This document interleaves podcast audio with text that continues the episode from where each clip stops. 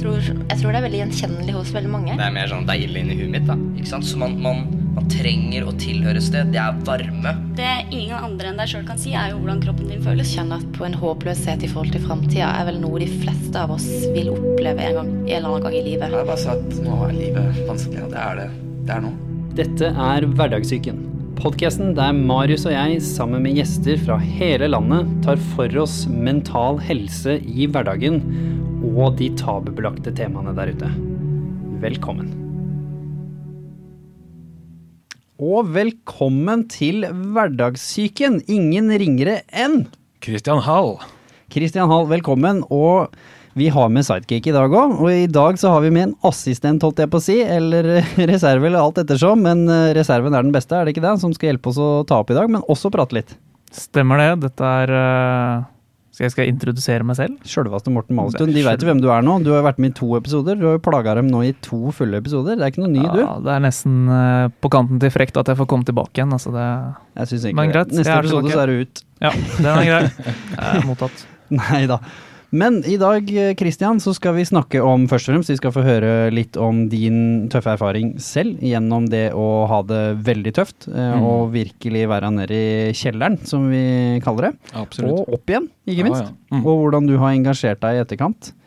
Men hovedtema for episoden, mot, eh, mot de liksom siste 20-25 minuttene, skal da handle om hvordan kan vi håndtere alle de hverdagsutfordringene som er der ute? Som ikke nødvendigvis alene er et kjempeutfordring, men når det blir mange av dem. Litt den der mamma havna på sjukehus, kiden er sjuk og blir ikke frisk, at det liksom blir på tre av måneden, og du må liksom sjonglere jobben og andre ting. Eksamen, ikke minst, perioden. Småmurring på jobben kanskje, minikonflikt. Og alle disse her er mye mindre tingene, da. Så hvordan i all verden håndterer man dem? Og du og jeg som har virkelig vært i, i kjelleren, kan jo ha et og annet uh, tips og triks om hvordan man kanskje da skal jobbe seg selv opp, snakke godt til seg selv i hverdagen, og ikke minst uh, hvordan håndtere de litt uforutsette tingene som kommer på. Absolutt. Men før det, Kristian, la oss bli litt uh, kjent med deg. Så hva har nå vært det tøffeste utfordringen du har hatt i livet så langt? Hvis du skulle delt det i en, eh, noen setninger, og litt hva som kanskje var konteksten. da. Ja, nei, det, det er veldig lett å svare på, egentlig. Det var eh, Ja, jeg vokste opp med en pappa som eh, var dødskul. Kjempemorsom fyr, eh, men som også hadde veldig store problemer. Så han eh, hadde heftig angst, depresjon og selvmedisinerte da med alkohol og piller og, og sånn. Så det var tøffe tak. Han levde hardt. Døde da jeg var 14 og gikk inn i en eh, dyp sorg. Eh, den sorgen eh, gikk så over i depresjon, som ble verre og verre, til jeg da kom til et punkt hvor jeg egentlig bare ville dø. Det kjenner jeg jo til sjøl òg, dessverre. Ikke akkurat det samme, men jeg har hatt uh, absolutt mine likheter inn i dette her. Og det er jo også noe dessverre som noe som er relativt Det er ikke den eneste det skjer med, selv om de, alle sine historier er unike. Men dette er jo også noe som er et stort problem der ute. Det er det. Det er jo eh, sprøtt å tenke på at det er liksom anslagsvis en halv million nordmenn som til enhver tid sliter med depresjon. Da. Absolutt. Det er høye tall. Det er altfor høye tall, og det er jo noe av hovedgrunnen til at vi kjører hverdagssyken også, og at den har blitt såpass populær. Nå er vi i ferd med å etablere oss som den mest populære podkasten for mental helse i hele Norge. Det er jo helt sykt for oss som starta dette her nå for under et år siden, og egentlig bare gjorde det bare fordi vi, Marius og jeg, var veldig engasjert og følte at vi trengte noen litt mer jordnære stemmer der ute som hadde nye gjester hver gang. Det var liksom målet vårt. Og nå, nå sitter vi her da med enda en gjest og gleder oss til å høre litt mer. Men dette er jo hverdagssyken og the human aspect, eh, og da går man jo enda i dybden, da. Så hvis du virkelig skulle tatt oss med tilbake til kanskje det øyeblikket du ser på som det tøffeste fra Mm. din ferd, og Mm. virkelig delt med oss hva du tenkte, hva du følte, og hva som foregikk i ditt liv når du virkelig var nede i sumpa, da. Ja, ikke sant. Det er litt sånn kjip eh, konkurranse da om eh, den aller dypeste dalen, for det har vært et par av dem, og de har vært ganske stygge, flere av dem. Men vi kan si at det verste året mitt, det var når jeg var 19. Eh, da hadde jeg allerede vært deprimert en del år, og på det tidspunktet var jeg i militæret. Og det første år, halvåret mitt i militæret var faktisk ganske spennende, selv om jeg var sterkt deprimert. Jeg var på en tanks, og det var mye action, og man kjørte rundt i skogen og skjøt med kanoner og maskingevær, og det var masse actionfilm-action. Men problemet er jo at jeg fikk da øresus. En hørselsskade med øresus. Og uh, istedenfor å bare dimittere meg tenkte Forsvaret at eh, nei, det kan vi ikke gjøre. Så nå putter vi han der sammen med resten av misfitsene på, i staben, som da er en avdeling for folk som av en eller annen grunn ikke kan ha en vanlig tjeneste. Uh, men problemet var at den avdelingen gjør ingenting. Så da satt jeg sammen med ti andre dypt misfornøyde soldater på et kontor, og vi hadde absolutt ingenting å gjøre, så vi satt i seks måneder og stirra i veggen. Og jeg var allerede kjempedeprimert, og huet fullt av en helt sånn ny eh, pipende lyd som, eh, som ikke hadde trengt å gi seg.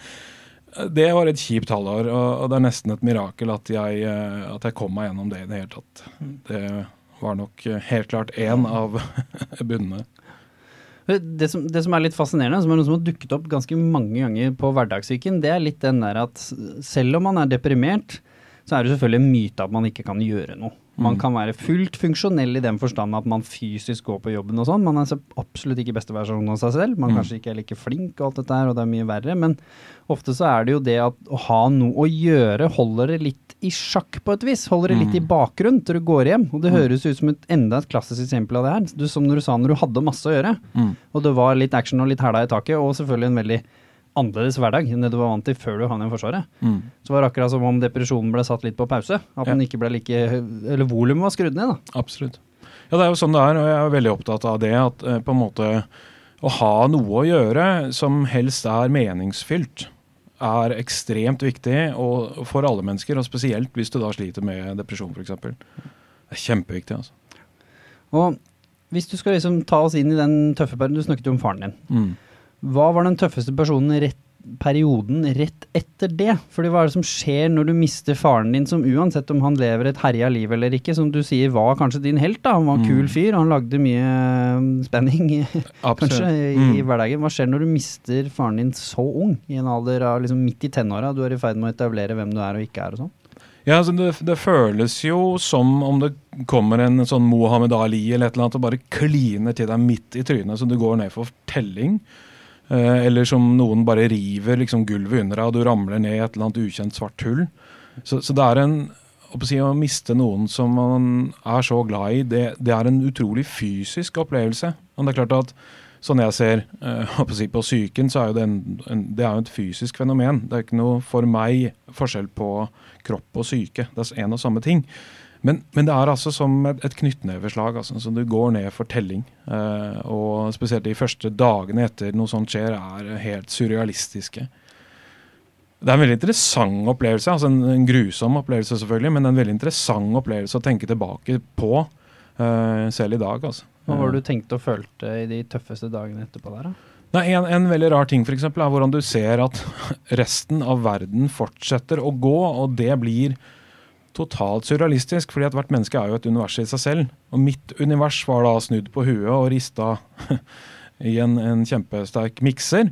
Mens alle andre tilsynelatende går rundt, og ikke bare tilsynelatende, går rundt og lever sine vanlige liv som om ingenting har skjedd. Og det er bare helt ufattelig å, å, å skulle forstå. Så man må egentlig bare gi opp. Ja. Ja, og så sa du at uh, sorg går veldig mange igjennom. Ikke nødvendigvis såpass eh, dramatisk sorg og så tidlig i livet som det her, men, men, det er jo den mest vanlige utfordringen vi har. selvfølgelig. Absolutt. I både human aspect og i hverdagssyken. Mm. Hva er det som gjorde at det tippa over i en depresjon? For du sa jo at dette sklei jo da over inn i en, eh, inn i en depresjon. Mm.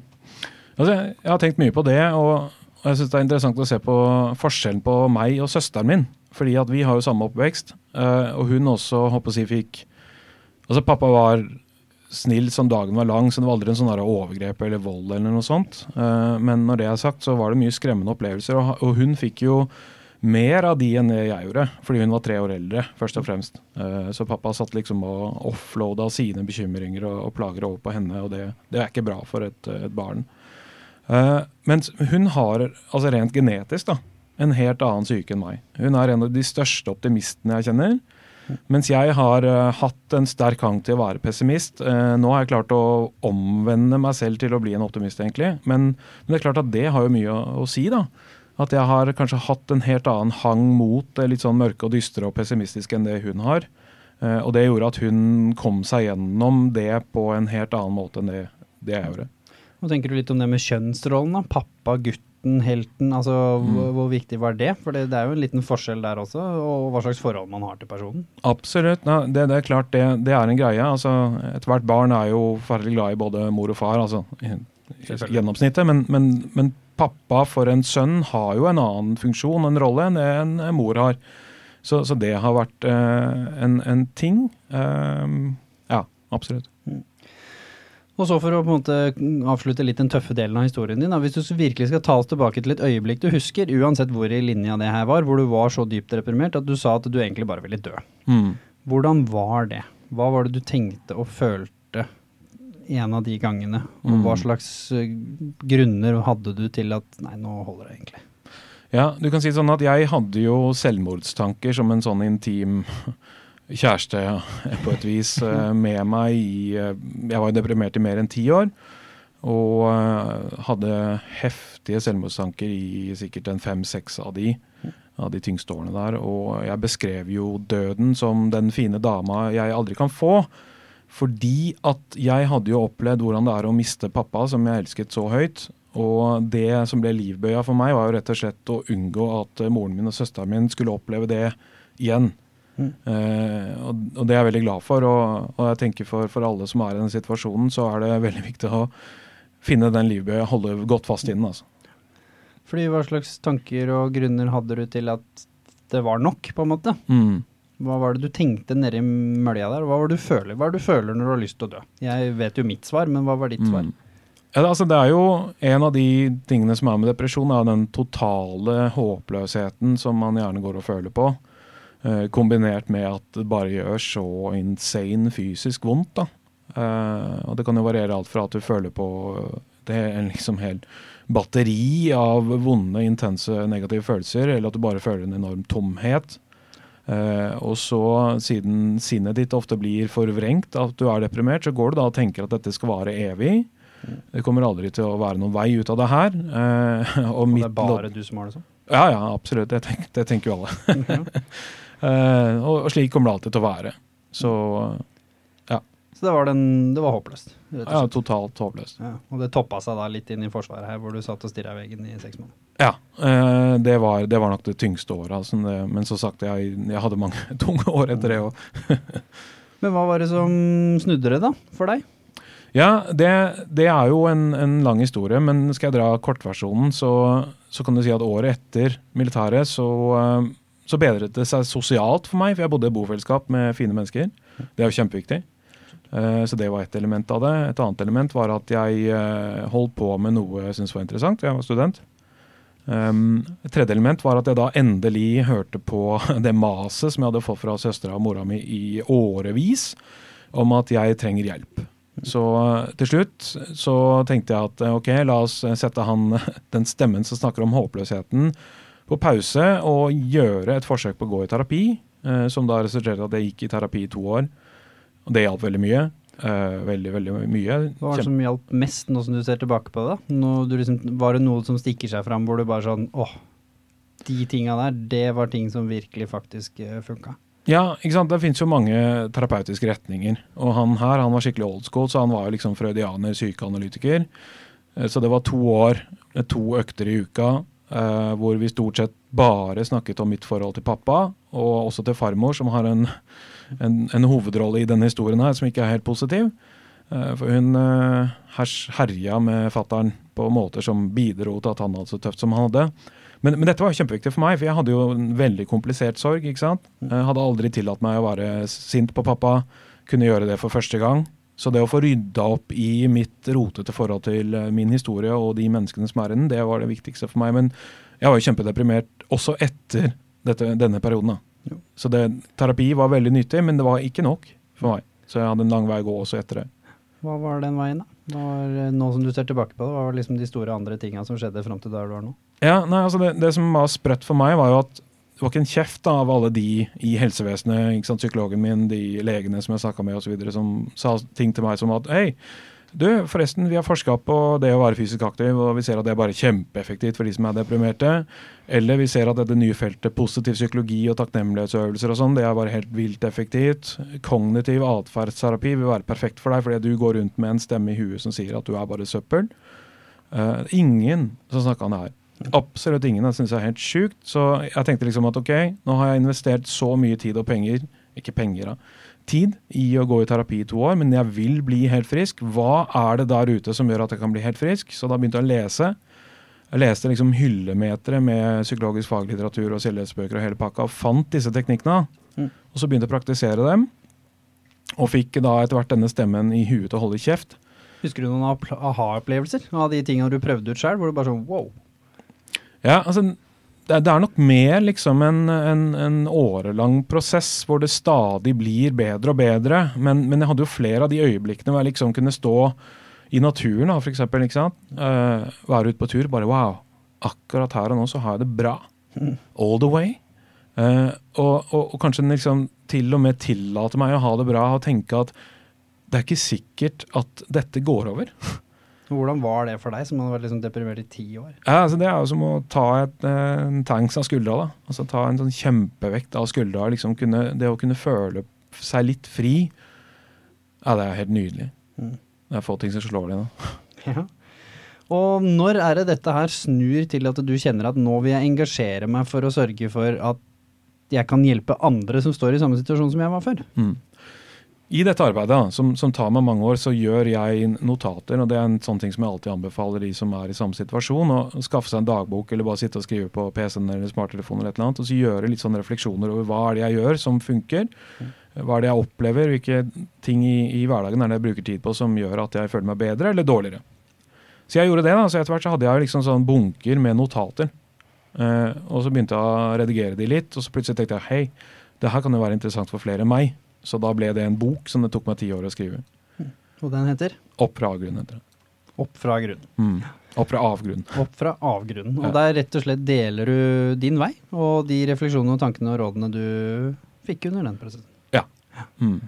Så den er jo bare å spore opp da, for de som er nysgjerrige der uh, ute. Og la oss nå da svinge inn i det som virkelig er uh, dagens tema. Takk for at uh, du deler. Det er jo som sagt uh, fascinerende hvor mye av de lignende type tingene som jeg også har vært gjennom. Men som du sier, det er kanskje en halv million i Norge som har vært Mm. gjennom noe sånt. Så Mm. vi er jo absolutt ikke aleine der ute. La oss nå snakke om, ok, for oss som har virkelig vært i i gjørma da, Uh, og det er jo ikke noen konkurranse som du sier det, hverken om dine egne topper eller om din topp er større eller mindre enn andres topp, for det er jo det som er utfordringen med mental helse. Det er jo rett og slett det at oppi ditt hue så er du både aleine, og dette er det verste som har skjedd noen gang, kommer aldri til å gå over. Mm. Så det er ikke så fryktelig relevant om det er eh, verre i et annet land, eller hvordan, hvordan det er rundt deg. Vi kommer jo fra Sierra Leone, som er et av de altså, tøffeste landene på jorda. Mm. Eh, og det er jo ikke sånn at bare fordi at jeg har vært der og sett hvor jævlig det virkelig kan være, så kommer jeg aldri til å ha en utfordring i livet, bare fordi jeg har perspektiv. Det er jo ikke sånn. Jeg skulle ønske det var sånn, for da hadde det Mm. vært en veldig enkel oppskrift. Bare dra til det verste landet i hele verden, og så reiser hjem hjem, og så løser det seg. på en måte. Mm. Men sånn er det jo ikke. Nei. Så la oss snakke litt om hvordan håndterer du alle de mindre utfordringene i hverdagen, som Ja. ikke nødvendigvis alene er et problem, men som Mm. over tid, hvis du ikke håndterer dem, eller hvis du håndterer dem på feil måte, kan føre til depresjon og Mm. angst og Mm. andre psykiske lidelser. Så hvis du skulle liksom kommet med noen sånne Hvis du skulle ramse opp noen sånne utfordringer, da, hvilke utfordringer er det du tenker på når vi sier det ordet der? Hva slags type utfordring er det alle på et eller annet tidspunkt kommer til å ramle litt innom? Ja, ikke sant. Jeg er veldig opptatt av at, um, at vi må snakke mer om livet når det suger. Fordi at det gjør det for alle hele tiden. Og det er også knytta til det du sier om at man tenker, eller har en tendens til å tenke at det er bare meg som har det vondt, da, hvis man har det vondt. Eh, For livet er jo begge deler. ikke sant? Livet er jo de feteste lykkeøyeblikkene, og det kan suge maksimalt. Eh, og jeg er jo veldig opptatt av liksom å ha et sett med verktøy og tiltak som man kan hente opp når, når det virkelig suger. Og det kan jo være alt fra at man krangler med kona, eller det går dårlig på jobben, eller du får eh, baksmellen fra helvete. Eh, så, så, så livet kan glefse og bite på en, en milliard forskjellige måter, og, og det kan du gjøre hver dag ikke sant, noen ganger. Og noen ganger så får du deg en, en skikkelig kjip overraskelse liksom, en gang i halvåret. da. Og hva er forskjellen, du som har virkelig vært deprimert lenge, og som nå har vært ute av det en stund, Mm. hva er forskjellen på hvordan du opplever de utfordringene der, når du monoton, eller sånn, langsiktig har det kjipt, når du er deprimert, og kontra når du ikke er det? Mm. Hva er forskjellen? Forskjellen er jo eh, igjen da, ikke sant? i den halve millionen som er deprimert nå, så, så er det jo alt forskjellig av menneskeskjebner og mennesker og, og sånn.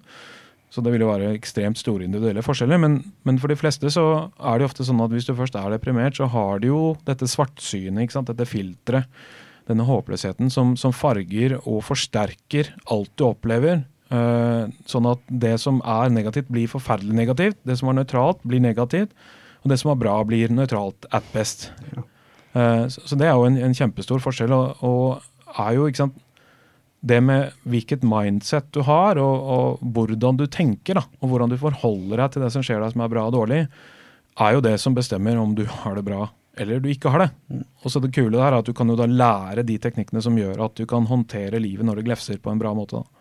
Og det ikke blir like ille. Det er ganske fascinerende at du nevner noen av de tingene der, for noe av det som har blitt tatt opp hos oss også, flere som har nevnt det der med at når det skjedde noe skikkelig bra, Mm.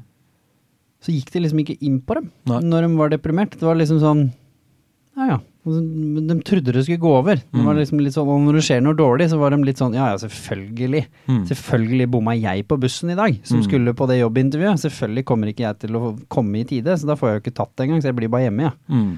Og så blir det en sånn ekstrem selvoppfyllende profetifokus her, da. Hvor Ja. liksom du svartmaler ditt eget bilde, som egentlig er en fargerik høstkveld, på en måte. Mm. Så det er litt fascinerende at du trekker opp.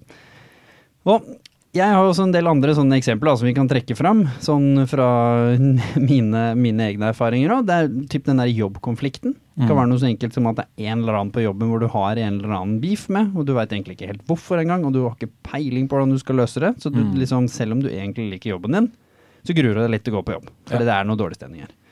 Det er den klassiske som vi snakket om i stad, sykdom i familien. Klassisk den. Alle går igjennom det på et eller annet tidspunkt. Det, unga dine er syke, og det varer over tid, og du klarer liksom ikke å kvitte deg med dette her. Noen ligger på sykehus. Hva det skal være. Slite på skolen, den klassiske der også. Og selvfølgelig eksamen. Nå er vi jo inne i eksamen for mange nå, inn mot jul. Kan være en tøff periode. Tvile på deg sjæl, plutselig så er eksamen en mye skumlere opplevelse enn det det egentlig skal være. Det er jo egentlig bare en prøve, men det betyr jo mer. Så da kommer jo alle de andre demonene ut av skapet og prikker deg på skulderen og forteller deg hvor ubrukelig du er. Sant? Det er Mm. mange som kjenner til det. Og selvbildet. Sant? Du kommer inn mot jula igjen, nå er det liksom julespising, og nå er det litt sånn, nå skal vi ha julekroppen, fordi vi vet at vi kommer til å legge på oss fem kilo i løpet av jula. Så nå er det liksom panikk av det. Inn i nyttår snart, da skal jo alle ha kroppen igjen, og så er vi i gang. Så det er ganske mye sånne standardutfordringer som man kan få eh, i livet. Og rejection. Mm. Alle mulige former for rejection. Mm. Både du prøver å date noen, det går skeis, noen slår opp med deg. Du søkte på en jobb, du blei nummer to. Altså alle de der standardtinga. Og det er på en måte mine perspektiver. Morten, du er jo mm, dagens sidekick, eh, og du er litt yngre enn Christian og meg, selv om vi aldri kommer til å innrømme det. Så, så hvis du liksom skal uh, legge til litt sånne utfordringer som din generasjon møter i dag, av de standardtinga som alle på en måte nesten må være litt innom, men som ikke nødvendigvis alene er verdens undergang. Hva slags utfordring er det dere møter om dagen? Nei, det er jo som du sier, eh, jeg var på, mm, jeg var på en liten eh, fest i går og møtte igjen noen gamle venner som jeg gikk på skole med. Og det er De aller fleste av de studerer nå, så jeg var litt sånn outsider. Jeg jobber, jeg skal ikke studere før til neste år. Mm, Så de snakker jo om sine problemer, og de problemene er som regel nå eksamen. De fleste har eksamen i dag, eh, denne uka her og noen har i neste uke osv. Og, så og det er mye stress. Det er eh, mange som eh, lurer på om de har lest nok. Det var mange av vennene mine som ikke kunne komme fordi de sitter og leser eh, 24-7. Det er litt sånne ting. Um, så er det selvfølgelig det at nå begynner å nærme seg jul. Det, det begynner å bli forventning om at man skal kjøpe julegaver, og at man skal eh, på en måte ha gjort det bra nok sånn sett da. Og det er jo mange som studerer på skoler som ikke er helt gratis å gå på, så det å ha noe overskudd til å ja, både jobbe og gjøre skole, og kunne likevel være fungerende på etter våre standarder da, i samfunnet, sånn med julegaver og dra ut og ting å gjøre og sånne ting, det kan være utfordrende. Ja, Absolutt. Så, Kristian. Hvis du nå skal velge et eksempel da, for å gjøre dette så nyttig som mulig, og så konkret som mulig, hvis du skulle valgt én av de da, utfordringene der, som skjer mange av oss, Mm. og så dratt oss gjennom hvordan du nå ville håndtert det, og hva slags verktøy du ville brukt. Kan Mm. du ta oss med på en liten reise. Ja, absolutt. Det er jo litt sånn at øh, jeg har jo mine oppskrifter på, på å håndtere hindre som egentlig kan brukes på det meste. Da. Men hvis du tar da eksamensbiten, um, så er det sånn at jeg er veldig, veldig glad i uh, sinnsrobønnen. Og den egenskapen det er å bare kunne ta et sånn kjapt overblikk på den situasjonen du står i, da, eller den, det problemet du står i, og så kunne se hva er det jeg faktisk kan gjøre noe med, og hva er det jeg ikke kan gjøre noe med. Så at du tar den gjennomgangen der, finner ut hva det er du kan gjøre noe med, og så tar du grep der. Og så at du kan på en måte akseptere alle de tingene du ikke kan gjøre noe med, det er jo ekstremt nyttig. da. Så det er klart Hvis du står der, det er tre uker til eksamen, du vet at du ligger sykt dårlig an, eh, så blir det jo ta det overblikket, se at ok, hva er de aller viktigste temaene som jeg bør kunne? Hva får jeg liksom mest bang for the buck, eh, som hvis jeg leser og jobber med? Jo, det er de greiene her. Så lager man en plan, eh, og den planen bør jo ikke være sånn som du snakket om, at man da leser døgnet rundt, fordi da begynner det å bli dårlig læring, ikke sant? Så det er ikke noe lurt. Så det å passe på at man legger inn nok tid til hvile, til rekreasjon, til å sove, spise sunt, kanskje trene litt. Eh, Det er det mange som ikke skjønner. mm. Sant? For det er, nå toucher vi på noe spennende her. Fordi hvis du hadde smakka inn 1000 studenter her nå, som står i den smørja der, for dem, dem er det mange av, Mm. så tror jeg Det er completely on top of my head, men jeg tror i hvert fall 950 av dem hadde gått for den løsningen her. Mm. Altså den derre Vi leser døgnet rundt. Vi leser så mye vi kan. Vi slutter å være sosiale. Vi slutter å trene. Vi slutter omtrent å spise og drikke og gjøre noe som helst. Mm. Men jeg som er en altså, som kommer fra toppidrettsbakgrunn og har ganske mye erfaring og innsikt der, det er jo helt natta. Mm. Fordi hvis du ikke sover nok, bare det alene, så klarer du ikke å flytte minnet ditt fra korttidsminne til langtidsminne. Så Mm. 20 av det du leste blir bare borte, Mm. fordi du ikke sover nok. Mm. Så kanskje- hvordan skal man liksom minne folk på den enkle oppskriften der, da? Mm. Fordi der er det mange som går på en skrell, og så blir de enda mer stressa dagen etterpå, fordi de husker jo ikke halvparten av det de leste i går. Mm. E som egentlig sier seg sjøl, fordi du har ikke sovet Du sov fem timer. Mm. Da husker du ikke resten, da. Det er jo bare sånn er det. Mm. Ja, Morten? Det er jo kanskje, ja, nettopp som du sier, det er kanskje derfor man uh, bare fortsetter å lese døgnet rundt, fordi man uh, det Ingenting går inn, så da må du bare fortsette å lese. Og den tenker at det er løsningen, men det er litt sånn rart, for det er noen ganger litt sånn at Altså, hvis du, hvis du sitter inne med ullgenser på, og du likevel fryser, så kan det hende at du må ta av deg ullgenseren, selv om det virker veldig selvmotsigende. At kanskje for den beste måten å studere på er å ikke studere en liten periode, og så komme tilbake igjen. Mm. Jo, og der er du, føler jeg du liksom er inne på noe. Fordi når du sier at du sa se på det som du kan gjøre noe med, og det du ikke kan gjøre noe med, sa du. Mm. Hva er det du legger i det da, i det eksempelet her? Hvordan ville du Eller et annet eksempel, for eksempel. Mm. Rejection, da, som er veldig mye av. Mm. Hvordan ville du klart å sett på en sånn situasjon og funnet ut av hva du kan gjøre noe med, og hva du ikke kan gjøre noe med? For det er ikke alltid innlysende hvem, hvem de er. Nei. Nei, ikke sant. Det er jo, som du sier, altså rejection kan jo være på alle, eller veldig mange forskjellige områder. Det kan også være på innsalg, da. Og jeg tenker en som en sånn læresetning innenfor salg er at uh, feil mer. For hvis du øker antall ganger du feiler, det vil da si at hvis du da er villig til å ta 100 telefoner, hvis du vet at du må gjennom 100 prospekter for å få et salg, så feiler du på en måte 99 ganger, men du gjør ikke det. ikke sant? Så du må på en måte bare ikke gi deg, da. Og det samme også med dating, liksom. At hvis du, hvis du kan tenke det sånn at det, det er jo ikke sånn at hvert menneske på denne planeten vil være en god match. Så du må rett og slett møte en del folk før du finner den personen som passer bra med deg, da. Hvis du, hvis du endrer synet på, på prosessen det er å date til at det er helt kult, om jeg må møte flere titalls forskjellige mennesker før jeg finner et menneske som jeg virkelig digger, og, og det kan være spennende. Jeg kan lære mye av det. Jeg kan lære mye om meg selv. Eh, Jeg får sikkert masse fine samtaler med kule mennesker som jeg ikke ville gjort ellers. Så, så er det bra. Så vi må slutte å se på det som flaut å gå på trynet og feile og, og ha en mislykka date eller eh, Ja. Det er kanskje endre ordet også, fordi nå er du inne på noe som jeg snakker veldig mye om. Dette er nummer én, selvoppfyllende profeti. Mm. Du går på en date, du er ikke på ditt beste, du har allerede dårlig selvtillit, og så når den daten går gærent, noe som statistisk sett de fleste dater gjør, som Mm. du sier, så kaster du det opp i den sekken med at jeg er ikke bra nok. Mm.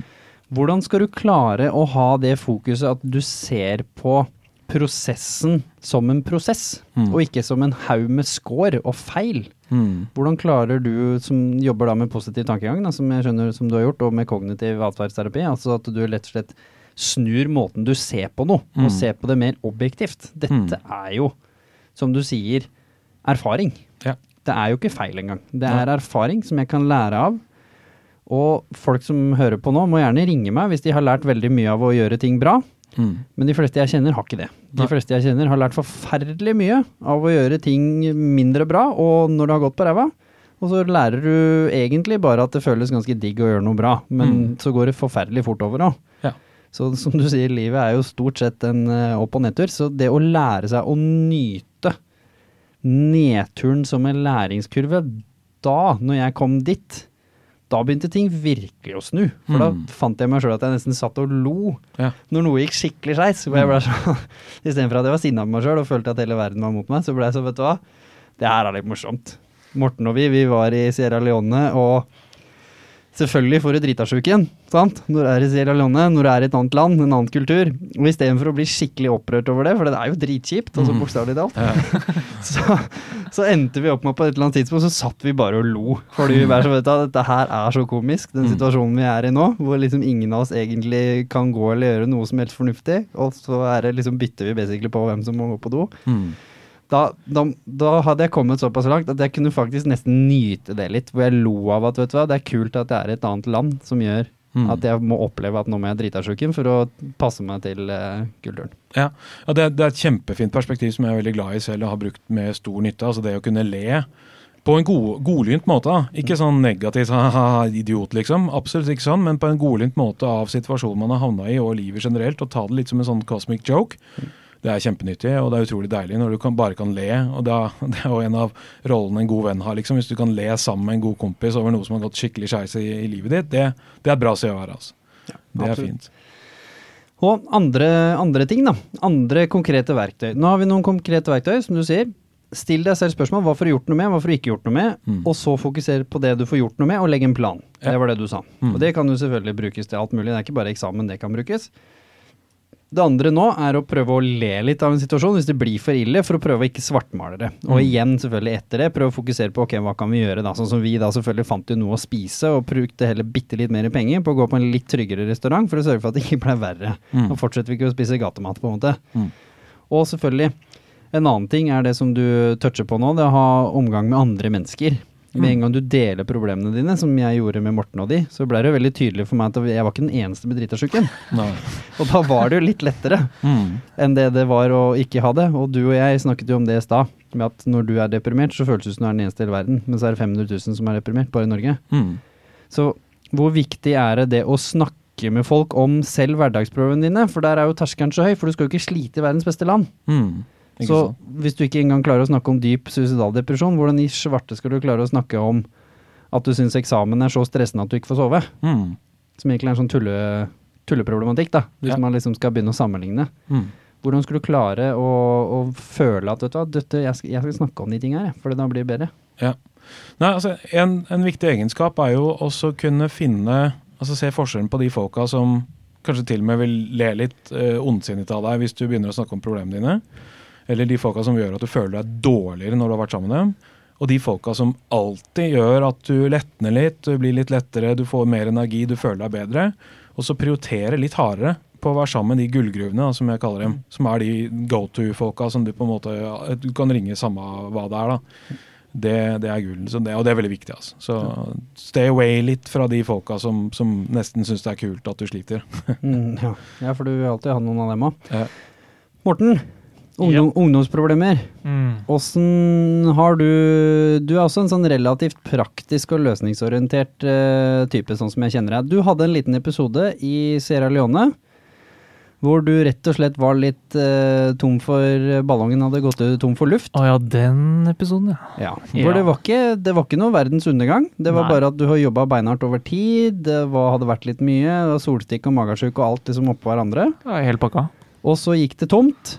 Men så skulle vi gjøre et veldig, veldig viktig intervju, typ sånn en time etter at du var skikkelig tom, og jeg lo litt av deg. Ikke på noensinne sin måte. Hun var morsom en. Vel, det kommer an på hvem som tolker, hvordan jeg tolket det, men ok, ja, fortsett. Hvordan løste du den? Hvordan klarte du å snakke med deg selv? For da må du ha gjort et eller annet. for når vi dro ut og gjorde det oppdraget da, så var du sharp som aldri før. Nei um, Godt spørsmål. Du gjorde noe veldig konkret. Jeg gjorde en veldig, fysisk ok, og så Rent konkret sett så tok jeg på et par noise cancelling hodetelefoner og blæsta musikk. Som alltid får meg gira. Mm. Det er rett og slett så enkelt. Mm. Jeg fikk på litt musikk. Jeg eh, bare lukka PC-en og bare lot bare tankene bare gå. Bare tenke sånn OK, vet du hva, nå, nå er jeg i Afrika, liksom. Jeg er på tur. Og så var jeg litt sånn Nå må jeg ta meg sammen. Er sånn. Noen ganger det er, det er jo på en måte det dummeste du kan si til noen, egentlig bare Nei, ta deg sammen. Men noen ganger så er det kanskje det du trenger også. Rett og slett bare være litt hard med deg sjøl og si ta deg sammen. Og få blæsta litt musikk. Og bare jazze på. Så det er, det er rett og slett eh, Ja. Men noen ganger så må man bare Man hviler når man kan. Og så gønner man på når man kan. Når man må. For du hvilte også. Ja. Fordi vi satt jo og jobba, vi to andre, og du da tillot deg selv at selv om vi to andre satt og jobba, så lukka du PC-en, og så bestemte du deg for ok, nå skal jeg ha en time med musikk og mine egne tanker, og ikke jobbe. Altså det motsatte av det eksamenseksempelet. Fordi hadde du jobba i den timen, så tror ikke jeg du hadde vært like hyggelig å ha med å gjøre da den neste timen. Nei, for det er litt sånn Av erfaring så merker jeg jo det at hvis jeg, hvis jeg ikke føler for å jobbe, så kommer jeg ikke til å få gjort noe produktivt. Det blir til at jeg bare sitter og drodler og refresher eh, e-posten, eller at jeg bare ja, soser. Altså jeg går og kanskje ser på litt eh, opptak jeg har på PC-en og tenker litt sånn Å, ja. Det er video. Mm. Det blir liksom ikke til noe. Eh, jeg klarer ikke å ha noen gode samtaler eller noe som helst. Da blir det bare sånn Ja, du trenger å lade opp litt, rett og slett. Men jeg, tok ikke Jeg tror ikke jeg Jeg ble ikke noe stressa av at dere satt og jobba, og jeg ikke jobba. Jeg merka jo det. Jeg tenkte sånn Hm, er jeg svak nå, som Ja. ikke klarer å jobbe? Eh, mens disse to andre, som har vært oppe like lenge som meg, og for så vidt har vimsa like mye rundt som meg, de, er, de bør jo være like sliten som meg, eller jeg bør være like på som dem, men så er jeg ikke det. Så tenkte jeg, vet du hva, da må jeg, da må jeg gjøre tiltak. Ikke sitte her og tvinge meg sjøl til å gjøre det, jeg må gjøre litt andre tiltak. Og det er veldig viktig, og veldig lurt også. Fordi det kunne vært veldig lett å sammenligne seg med noen andre der, og kjørt gruppepress, fordi det er såpass tett også. Da er vi jo, som han sier, da er vi jo to andre som har vært oppe like lenge, like mye drita like mye solbrent. Altså, det er relativt likt, men så er vi forskjellige mennesker. Mm. Så det å tørre å ta til ansvar for seg selv og sin egen energi, det er for meg et utrolig viktig verktøy å Mm. ha i hverdagen. Mm. Fordi da kan du komme tilbake mye raskere, og da trenger det ikke å utvikle seg til å bli noe tøffere sånn over tid. For hvis du Mm. alltid da ikke tillater deg sjøl å ta recharge og ta ansvar for hvem du er og ikke er, da blir det depresjon. Mm. Eller burnout. Mm. Eller fysisk sykdom. Fordi du bare pusher på immunforsvaret, så blir du bare forkjøla og influensa og gud veit ikke hva. Mm. Ja. Du må være kompis med deg sjæl, og så bør du helst vite litt sånn Sånn er jeg. Disse, trengene, disse tingene trenger jeg for å kunne ta meg en liten uh, pause og komme tilbake sterkere. ikke sant? Og sånn som deg. Slo av PC-en, hørte på litt god musikk. Jeg gjør det samme selv. Eh, går meg en tur, hører på en Jeg har en spilleliste som jeg bruker, som jeg vet gjør meg sykt godt humør, liksom. Hvis jeg får en time av den. Samme så- her. Ja, ja. Ja. Det, er, det er så utrolig mye verdt. Eller om det er ta deg en joggetur, eller om det er gå og ta deg en blund, eller gå og legge deg og sove ordentlig ut. Altså det, å være kompis med seg selv er dritviktig, og vite hvordan man funker, og hva som funker bra, og hva som ikke funker. Og for meg så vil jeg gjerne snakke litt om eh, nå på slutten. Jeg er jo av de rundt meg kjent for å være ganske sånn hard med meg selv og ganske logisk fokusert når det gjelder meg selv. En av de tingene som jeg husker jeg opplevde når jeg bodde i Afghanistan, og sånn, hvor jeg var da matforgifta ganske lenge, altså typ i et par uker. Mm. Og vi vet jo at når vi er matforgifta, så er vi ikke så fryktelig gira på å spise mat. Mm. Fordi vi alle veit hva som kommer til å skje med den maten, og da mister vi motivasjonen, Så har du ikke matlyst og alle de tinga som er subjektive, egentlig, men også selvfølgelig linka til fysiske reaksjoner i kroppen. Men jeg har et sånt veldig logisk, pragmatisk forhold til mat. Noen ganger, hvis jeg vil. Det er idrettsbakgrunnen min. Det er energi. Jeg Mm. kan regnestykket. Jeg vet hva jeg trenger. Og jeg vet akkurat hva min kropp trenger. For jeg har såpass mye innsikt i det. Og det er fascinerende hvor fort jeg kommer over det, kontra andre. Det er selvfølgelig kan være litt genetisk og sånn også, men jeg tror også personlig at det er fordi at jeg er så streng. Så under de veldig tøffe eksamensperiodene sånn jeg har hatt, jeg også har hatt noen ekstreme perioder hvor jeg jobba fullt, og i tillegg tok jeg liksom 90 studiepoeng på ti måneder, jeg har liksom gjort veldig sånn litt ekstreme ting, hvor det selvfølgelig da kommer en eksamensperiode som ikke er helt menneskelig. Da er jeg streng. Da går jeg tilbake til sånn, nå er det kalenderen og logikken som bestemmer seg på her. Det er åtte timer i senga, ferdig snakka, ikke noe å diskutere. Uansett hva som skjer. Sier jeg nei til en fest, så sier jeg nei til en fest. Går jeg på en fest og går hjem tolv, så går jeg hjem tolv. Sånn er det. Det er ikke noe å snakke om. Mat. Full kål på når jeg skal spise og når jeg ikke skal spise. På et eller annet tidspunkt så hadde jeg faktisk kalender som liksom alarm, som peip. Fordi jeg visste at hvis ikke jeg har det, så glemmer jeg det. Mm. Ikke fordi jeg er tulling, men mer fordi at jeg er så fokusert på det jeg gjør. Mm. Samme med vann. Fryktelig streng med vann.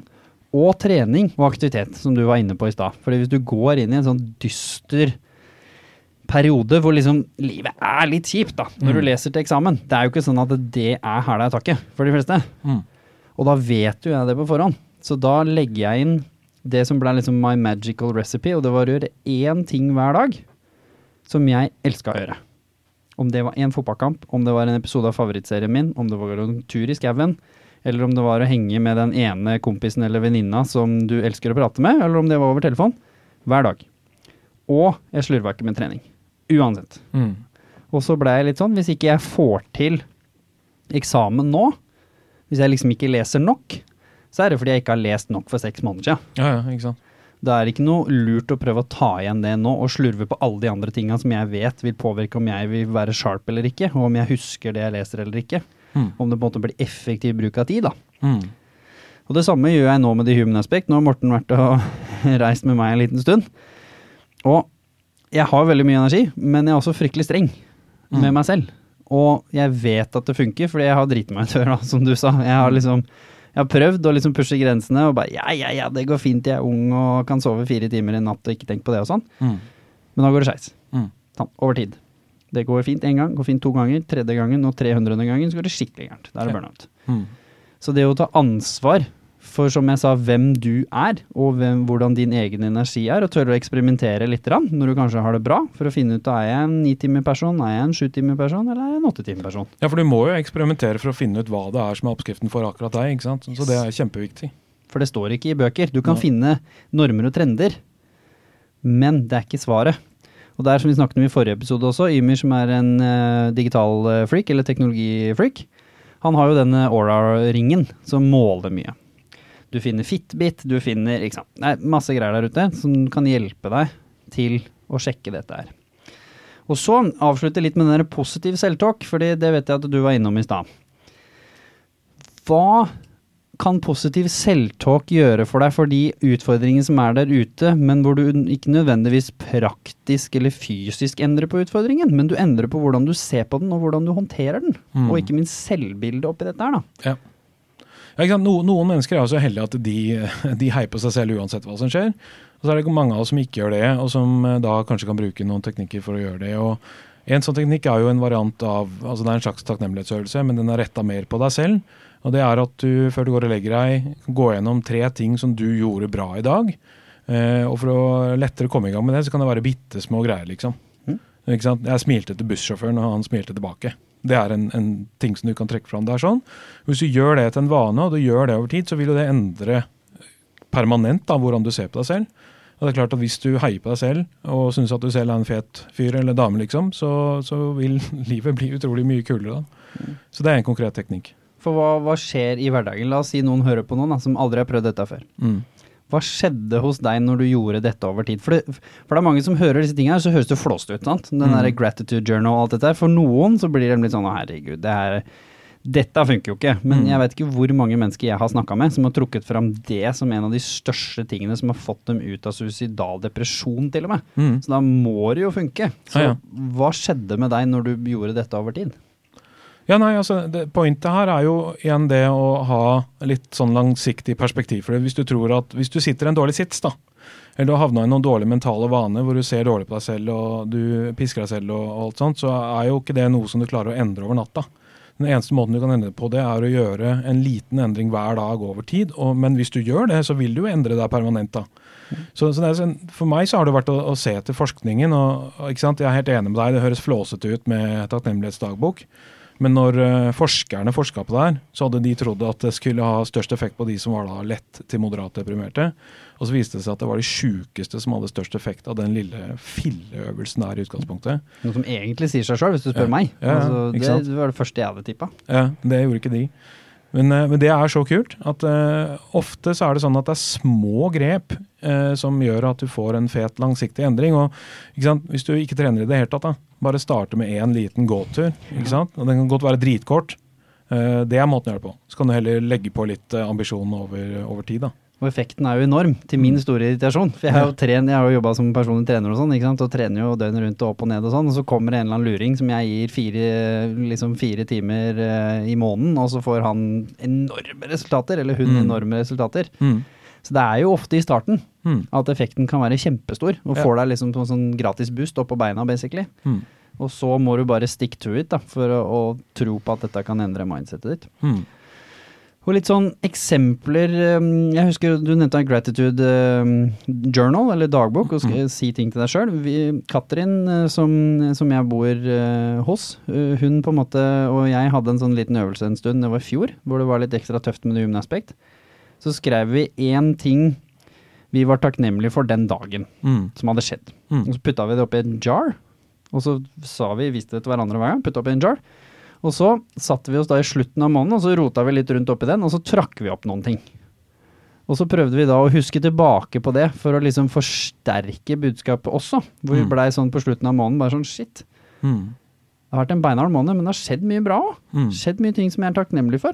Mm. Den var ganske fin, for det er altså en sånn fysisk veldig enkel ting du kan gjøre. Hvis du har da en du bor sammen med i et kollektiv som, som, som som jeg gjør, eller en kjæreste eller en venn eller søster eller bror eller hva det skal være, Mm. kan man gjøre litt sånn. Og så er det en litt sånn conversation starter, så ikke man havner på Instagrammen sant? når man sitter hjemme. Det er jo Mm. ikke positivt. Nei. Og litt det med positiv selvtalk. Prøve å avslutte med en lite eksempel også.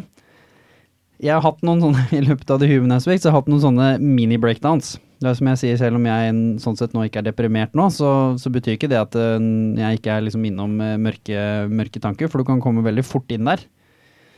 Og jeg har hatt to-tre ganger, bare det siste året, hvor jeg liksom har lagt meg ned på gulvet på kontoret og bare følt sånn Hva er det jeg driver med? Sant? Sånn, uansett hvor mye positive ting det er, så blir det liksom sånn Hva er det jeg holder på med nå? Mm. Ikke lønn, og to-tre av de store tingene vi jobba med, falt sammen. Får ikke de talla du ønska. Har lyst til å nappe ut øya på alle jeg jobber med, og liksom Du får den der hvor alt er smartbart, da. Når jeg Mm. kjenner at nå er det, det liksom Nå er det mørket som, som kommer over meg her. Mm. Og så lar jeg det komme, Mm. uten å gi det noe verdi. Ja. Jeg Mm. bare lar all den dritten komme inn i meg, og så Mm. bare ser jeg på det med litt sånn nysgjerrige øyne, og ser på det som informasjon. Mm. Og så har jeg oppdaga at etter at jeg gjør det, dette tar alt fra noen minutter til kanskje en time Mm. med sånn type ting, og lar det liksom renne innover meg, kjenne på de drittfølelsene som kommer. Mm. Rett etter det så jeg har hatt noen av de mest kreative og løsningsorienterte periodene jeg noen gang har hatt. Mm. Og noen av de største ideene til The Human Aspect har kommet rett etter en sånn tøff periode. Mm. Og så har den gått over veldig fort. Ja. Og jeg tror ikke det hadde skjedd hvis ikke jeg hadde latt meg føle litt på den, Ja, ja. så putte den i perspektiv og bli sånn Hei, brorsan. Litt det du sa. Mm. Og så fokuserer jeg på hva av dette her kan jeg egentlig gjøre noe med. Hva skal jeg bare putte i den boksen av at det var meant to be, og så akseptere det, og så gidder jeg ikke å mase noe mer med det. Mm. Og hva er det jeg faktisk kan gjøre noe med her, og prøve å fokusere på for å få snudd trenden. Ja, det er et eller annet med at Hvis du å si, begynner å slåss med demonene dine, for å bruke et sånt ord, hvis du prøver å jage dem vekk, liksom, men du blir veldig oppfarende og vekk med dere, og dette fikser jeg ikke og sånn, så har de, det er bensin på bålet ofte. Mens hvis du da heller liksom lar det komme, og så bare lar det fare av sted uten at du gidder å legge noe mer fokus på det enn det, det er jo måten, og det er jo det jeg bruker meditasjon til. da. Egentlig å trene meg selv til å ha litt sånn eh, teflon på sinnet. Sånn at når det kommer eh, drittanker eller eh, litt tungsinn eller hva det skulle være, at jeg anerkjenner det. Ok, nå kom det, og så får det bare fare bakover som skyer på himmelen som bare blåser av sted. Det tenker jeg er måten å håndtere sånt på. Og unngå den der dårlige samvittigheten også, og si at vet du hva, Det er helt greit at jeg føler det at jeg har lyst til å rive ut øya på alle i teamet mitt. Fordi innerst inne så veit jeg at jeg er kjempeglad i dem. Ja. Så det å putte det i perspektiv, men å akseptere det, og Mm. ikke få dårlig samvittighet, for det er så lett å få den dårlige samvittigheten hvor du bare sånn herregud, og de jobber jo her, og halvparten av dem er frivillige, og nå må du ikke være utakknemlig, og alt det der som lett kan komme inn og plager deg da, fordi da aksepterer du ikke følelsen, og da kommer den til å gro, Ja. antagelig. Mm. For det er jo ikke, selv om det er en subjektiv følelse der og da, så er det jo ikke sannheten. Nei. Det er jo bare en reaksjon på for mye stress, antagelig. Mm. Også der kan du jo le litt, da. ikke sant? At du kan le litt av deg selv på en, en, en positiv måte. liksom At wow, shit, ok, da tenkte jeg det, liksom. Ja, men det er greit nok. Det er innafor. Så lar du den bare fare. Absolutt. Ja. Og kanskje til og med da så deler det med noen kollegaer, og så kan man le litt, og så liksom tuller man litt med det, og så, så går det over. Mm. Og så klarer man å fokusere da løsningsorientert framover. Men for å oppsummere litt da, hvis man har det, da noen av disse hverdagsutfordringene. Nummer én, gjør en liten test med deg sjøl. Hvis du har hverdagsutfordringer og det føles overveldende, da anbefaler jeg at du tar kontakt og snakker med noen venner av deg og eller profesjonelle. For da er det et tegn på at du muligens er i en depressiv tankeslør. Fordi hvis mindre utfordringer i din egen hverdag føles over nesten umulig å håndtere, så er sjansen ganske stor for at du trenger eh, hjelp, rett og slett, fra noen. Hvis det ikke nødvendigvis er det, men det føles ganske tungt allikevel, fordi det er litt mye, prøv da det som du sa. Sjekk hva kan jeg gjøre noe med, hva kan jeg ikke gjøre noe med.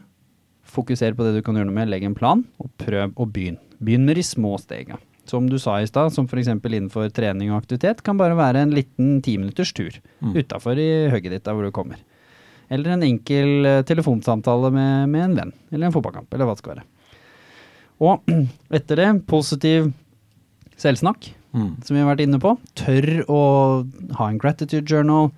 Tør å snakke positive ting til deg selv. Si én ting i speilet f.eks. hver dag som er positivt. Tør å skrive den ned.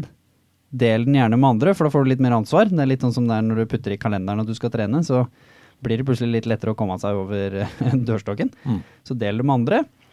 Og ikke minst, i forbindelse med det Morten var inne på, tør å ta ansvar for hvem du er og ikke er, og unngå å la de rundt deg påvirke deg om hva du skal gjøre, hva som er riktig. Trenger du en halvtime pause, ta en halvtime pause. Istedenfor å pushe deg gjennom det og faktisk da ødelegge de neste tre timene på jobben, f.eks. Og selvfølgelig, hvis du har konflikter og utfordringer og løsninger der ute, tør å snakke med den personen. For sjansen er enorm for at hvis du snakker om det og deler ditt perspektiv uten å dømme dem, hvis du sier 'jeg føler sånn fordi sånn og sånn du gjorde', så er sjansen ganske stor for at uh, dere har misforstått hverandre, og at dette kommer til å løse seg ganske kjapt. Mens hvis ingen av dere snakker om det, så blir det ofte mørkt, rett og slett. Og ikke minst, tør å lese og utfordre deg selv og utforske litt, som du har vært inne på nå, Christian. Både med, med boka di, med hverdagssyke, en drøss med råd her, i Human Aspect, masse intervjuer. Og ikke minst alt mulig annet eh, der ute. Sånn som du sa, du fikk veldig mye nytte ut av å drive litt selvstudium da, når det var vanskelig. Mm. Fordi det er ikke nødvendigvis alle svara ligger hos uh, verken de profesjonelle eller oss, for den saks skyld. Mm. Tusen hjertelig for at dere kom eh, begge to, ikke minst. Dere vil finne Christian i våre poster og tags og her og der og overalt. Sjekke ut han og det han driver med. Det er mye spennende og mye å lære. Ikke best, mye råd. Julegavetips er boka hans til, til jul. Takk, Morten, for at du sørger for at dette blir tatt opp og blir bra og kommer med ungdoms eh, sideline-tips. Ingen årsak. Tusen hjertelig, Kristian. Vi håper å få deg tilbake en gang i fremtida òg, ikke minst. Absolutt. Takk skal du ha. Og til, tusen takk til alle dere som hører på. Husk, send oss tips om gjester, om temaer og om ting og tang og spørsmål dere vil vi skal ta opp i Hverdagssyken, for her er det ukentlig mandagspodkast, det vet dere, vet du. Hjertelig takk til Livslyst og Motivasjonssenteret, som låner oss podkaststudio. Og tusen hjertelig takk for at du lytter, fordi dette er din podkast. Det er ikke vår. Ha en smashing dag, uke, og husk Psyken i hverdagen er bare psyken i hverdagen, og det er den for alle. Så det er bare å smile og le litt. Er ikke det vi sier, Kristian? Det er det. Og så er det bare Bare å tusle på videre. Mm.